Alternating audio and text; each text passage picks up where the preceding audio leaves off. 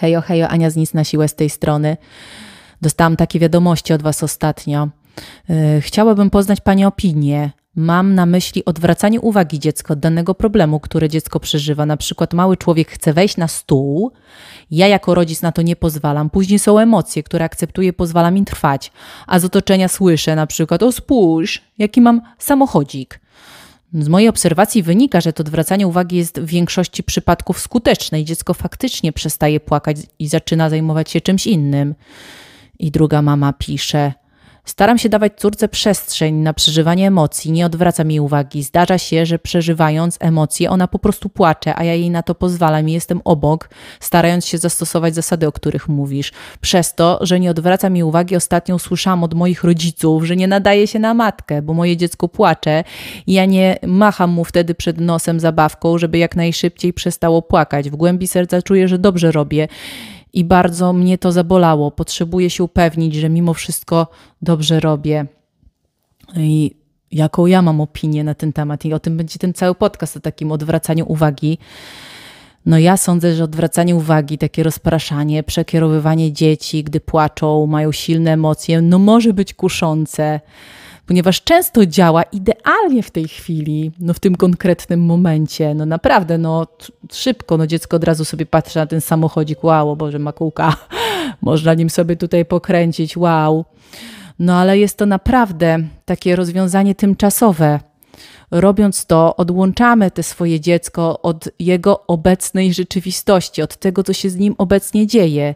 No i czy takie rozpraszanie jest właśnie czymś dobrym, czy niesie ze sobą jakieś konsekwencje. No ja zawsze wtedy pytam się mm, tych ludzi, no kiedy Twoim zdaniem przyjdzie czas, abyś zaczęła, zaczął nawiązywać taką szczerą relację ze swoim dzieckiem, kiedy będzie miał dwa lata, pięć czy dziesięć. No musimy to robić od samego początku. No i w tym podcaście właśnie będę mówić o rozpraszaniu w takich dwóch sytuacjach, gdy dzieci mają emocje i wchodzą w te emocje, bo na przykład na coś nie pozwoliliśmy, Albo tak jak tutaj mama pisze, ściągnęła ze stołu, postawiła granicę, no i dziecko ma silne emocje związane z tą granicą, ma prawo, coś zostało mu po prostu zabronione, a on tego bardzo, bardzo pragnie. Nadal ma w sobie to pragnienie, ale spotyka się z granicą swojej mamy. No i y, rozpraszanie w drugiej sytuacji, gdy dziecko coś robi, czego nie powinno. Na przykład, nie wiem, wskakuje na e, sofę, a ty wtedy mówisz, no, no tak, widzę, zobacz, tam są takie dwa samochodziki, no y, zobacz, one się zderzyły, chyba tam jest korek.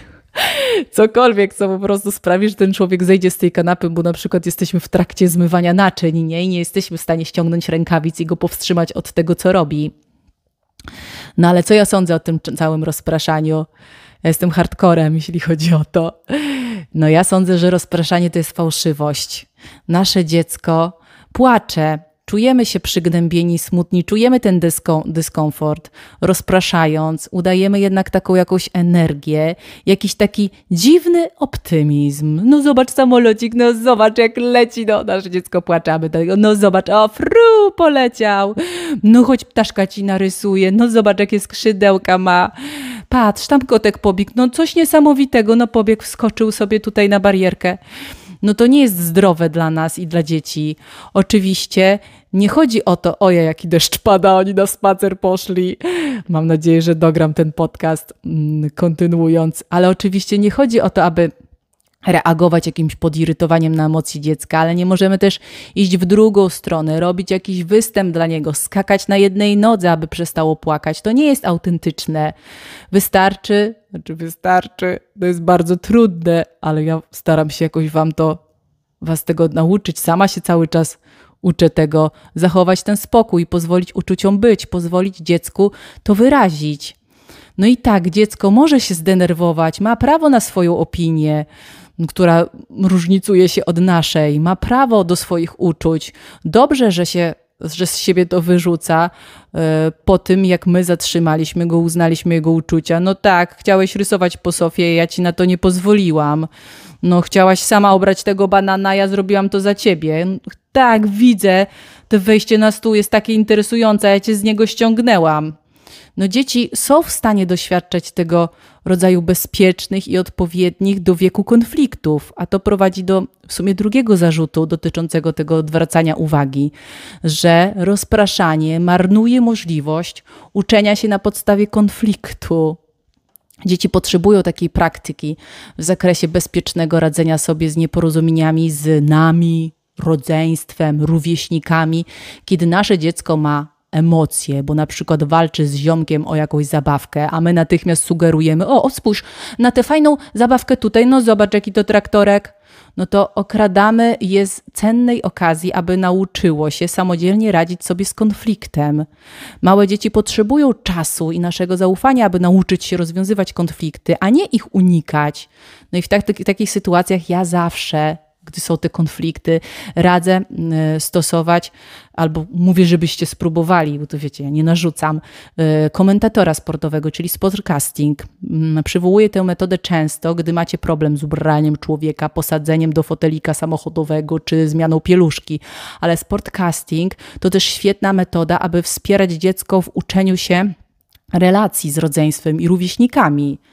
No bo ci wszyscy ci prezenterzy sportowi, no to w sumie nie oceniają, nie zawstydzają, nie obwiniają, no zazwyczaj. No opisują fakty, to co widzą. Róbmy tak samo. Obserwujcie, opisujcie wyłącznie to, co widzicie. To da dziecku taką bezpieczną, otwartą przestrzeń, aby kontynuować te zmagania, dopóki nie rozwiąże problemu lub nie zdecyduje się odpuścić i przejść do czegoś innego. No na przykład, chciałeś ten samochód, a teraz bawi się nim chłopiec zawieszenie takie zostawiacie. Dwoje dzieci, a tylko jedna ciężarówka. Macie jakiś pomysł? No tak, ta łopatka jest super ciekawa. Teraz chłopiec kopie nią dołki. W ogóle to jest niesamowite, że te przedmioty są wtedy takie ciekawe i takie gorące, jak są w ręku tego drugiego dziecka. Ale jak to dziecko by rzuciło tą łopatkę i ona by taka martwa leżała na ziemi, to by żadne dziecko się nią nie zainteresowało. Ale jak tylko jak jest w ręku to ona jakby nabierała życia, ta łopatka. to jest fajne u dzieci. No albo na przykład ja z Adelą miałam silne emocje, jak no może nie silne, bo czasem przesadzam, ale miałam emocje, jak widziała, że huśtawka jest zajęta, miała fazę na huśtawkę bardzo.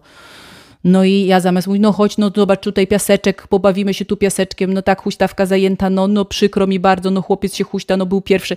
W ogóle ja nie wchodzę w takie tłumaczenia. Może na samym początku, tłumaczmy, co się w ogóle dzieje, tak opisowo sytuację, ale później ja tylko rzucam, no niech to, huśtawka jest zajęta.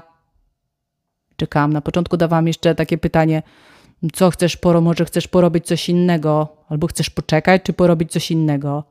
Dawałam takie dwa, ale później już tylko i wyłącznie to zdanie, a niech to, huśtawka jest zajęta i człowiek, no tak, no to trudne, co? Trudne jest czekanie.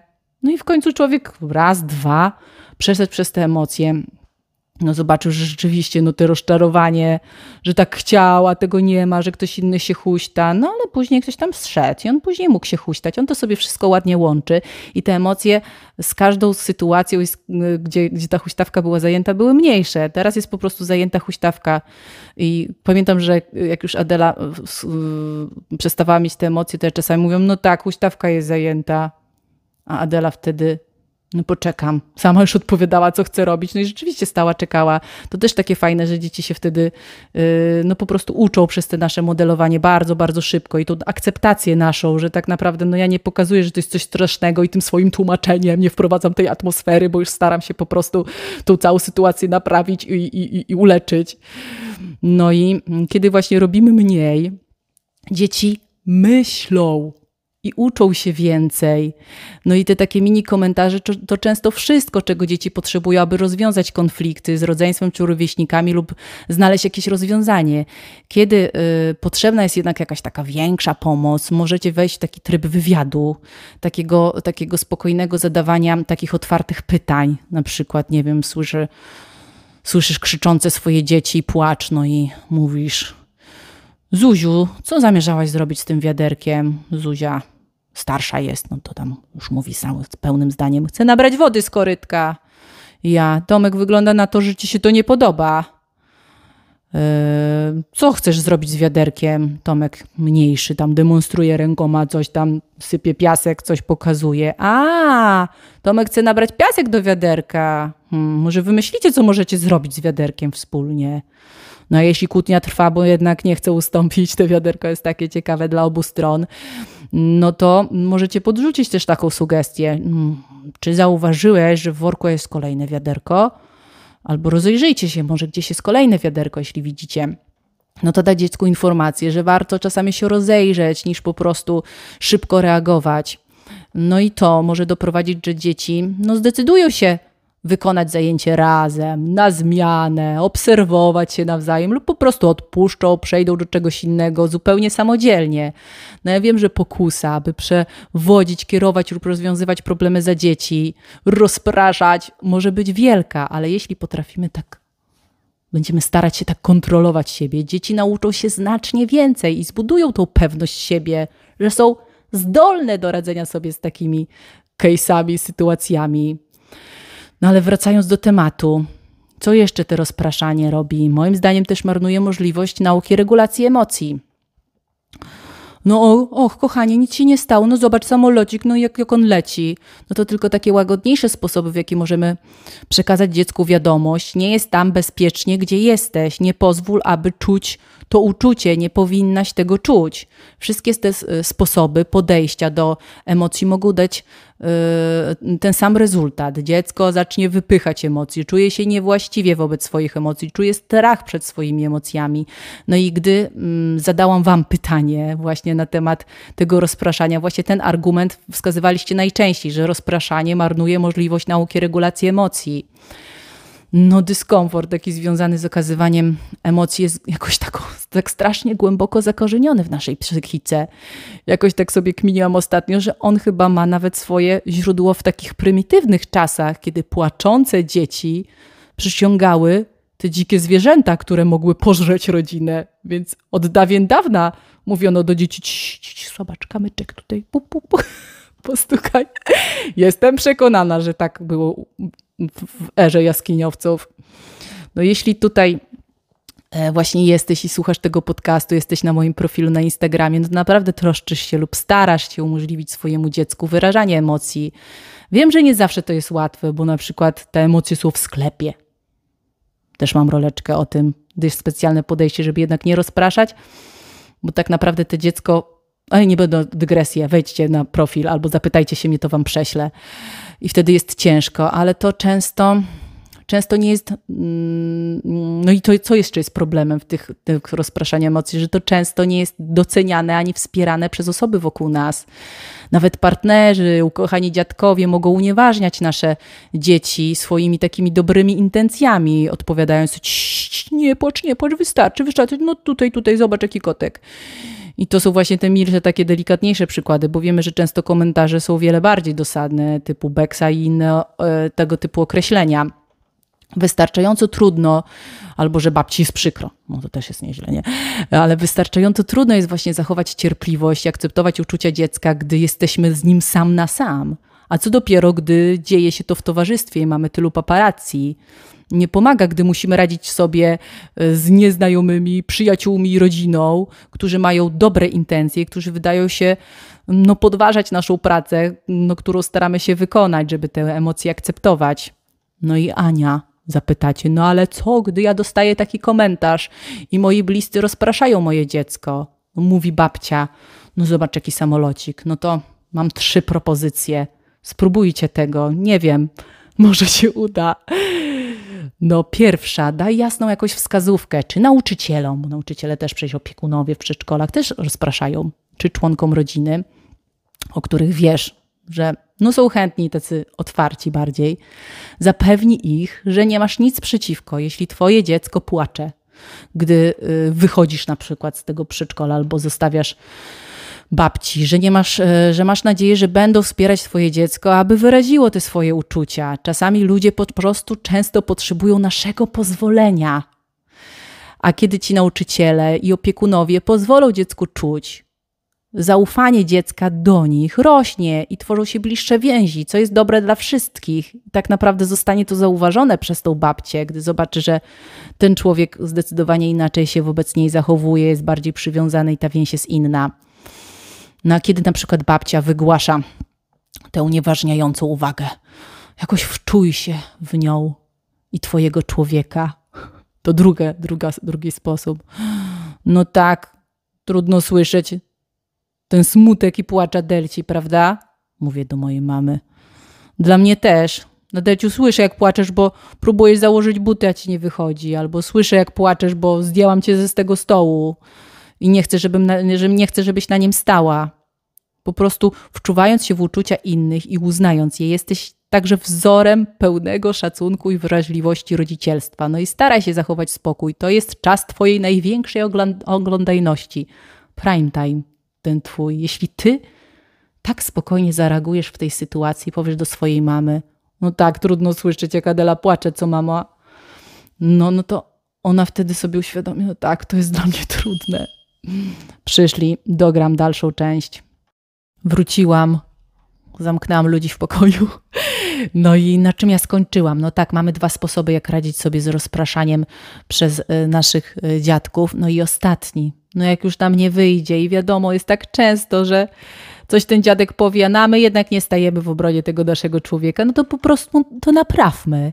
Jeśli nie masz właśnie możliwości potwierdzenia uczuć dziecka w tej konkretnej chwili, zrób to później. No kluczem jest ta szczere to uznanie tej sytuacji. No wiem, że babcia Zosia powiedziała, że udajesz płacz, i że nie powinnaś bać się tego psa albo cokolwiek. To nie było w porządku. Nie każdy cię rozumie tak jak ja. Jeśli to zraniło ciebie, to, to bardzo mi przykro. Jestem pewna, że ona nie miała tego na myśli. Zawsze możesz bezpiecznie mm, powiedzieć, co czujesz przy mnie.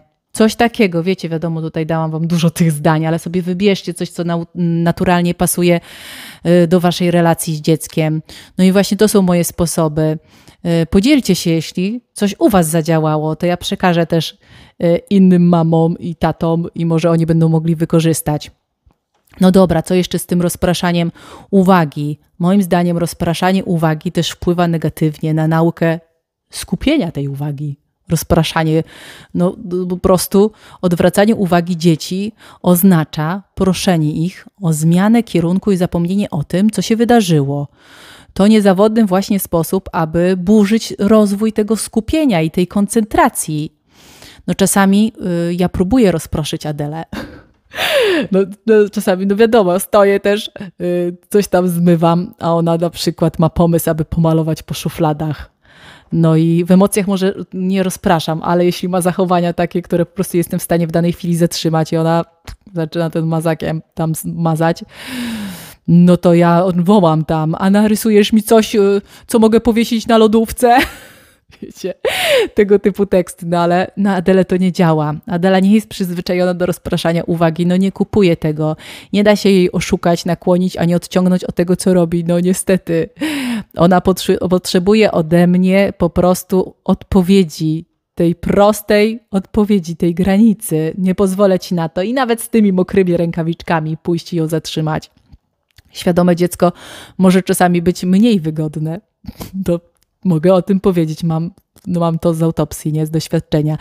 No kiedy nie możemy jej oszukać jakimiś sztuczkami, ale świadomość i uwaga no, są niezbędne no, do nauki, yy, co będzie służyć właśnie dziecku przez całe no, jego życie. Więc już wolę, żeby nie dawała się rozproszyć. No i co jeszcze? Dla mnie rozproszenie to też brak szacunku. To taka sztuczka, która nie docenia inteligencji Twojego dziecka, jego zdolności do uczenia się i rozumienia. Małe dzieci zasługują na taki sam szacunek, jaki okazalibyśmy dorosłemu. Stosowanie odwracania uwagi jako przekierowania odzwierciedla naszą taką naturalną tendencję do chęci, takiemu takie, takiemu natychmiastowemu położeniu y, kresu niepożądanemu zachowaniu dziecka czy niewygodnym emocjom. W pośpiechu łatwo zapomnieć, zapomnieć o dostrzeganiu i wspieraniu tych pozytywnych stron tej całej sytuacji, że człowiek ma emocje, bo rozładowuje się po przedszkolu, uczy się ich, rozwija regulacje, albo człowiek maluje po meblach, bo no, go to ciekawi i to jest coś nowego, ma jakiś pomysł. Ja zawsze dostrzegam tą, tą, tą, tą, tą, tą dobrą stronę tego zachowania i tych emocji no radzenie sobie z y, takimi sytuacjami otwarcie, z cierpliwością, empatią i szczerością, stawianie czoła łzom dziecka, jego silnym emocjom lub akceptacja tym, tymczasowego statusu w sumie bycia takim złym policjantem, gdy zabierasz człowieka, y, człowiekowi farby, to droga do związku takiego pełnego miłości, zaufania i szacunku. No wiesz lub nie, ale to, co się dzieje w tym konkretnym momencie, to naprawdę jest wasz wartościowy czas. No i dlatego ja właśnie nie rozpraszam przez te wszystkie rzeczy, o których Wam powiedziałam. Możecie się ze mną różnić i dobrze, fajnie, że mamy inne poglądy i z chęcią też poznam Wasze poglądy. Nie musimy zgadzać się w, każdym, w, każdej, każdej materii, ale ja nie rozpraszam. I nawet jak są mega silne emocje, które trwają 15-20 minut, nie rozpraszam. Taką mam zasadę. Czasami coś próbuję rozproszyć już z takiej bezsilności, jeśli chodzi o zachowanie, ale to nie działa na mojego człowieka. To dajcie znać, jak tam u Was z tym rozpraszaniem, jak z rozpraszaniem przez Waszych bliskich. No i co, razem damy radę z tym rodzicielstwem.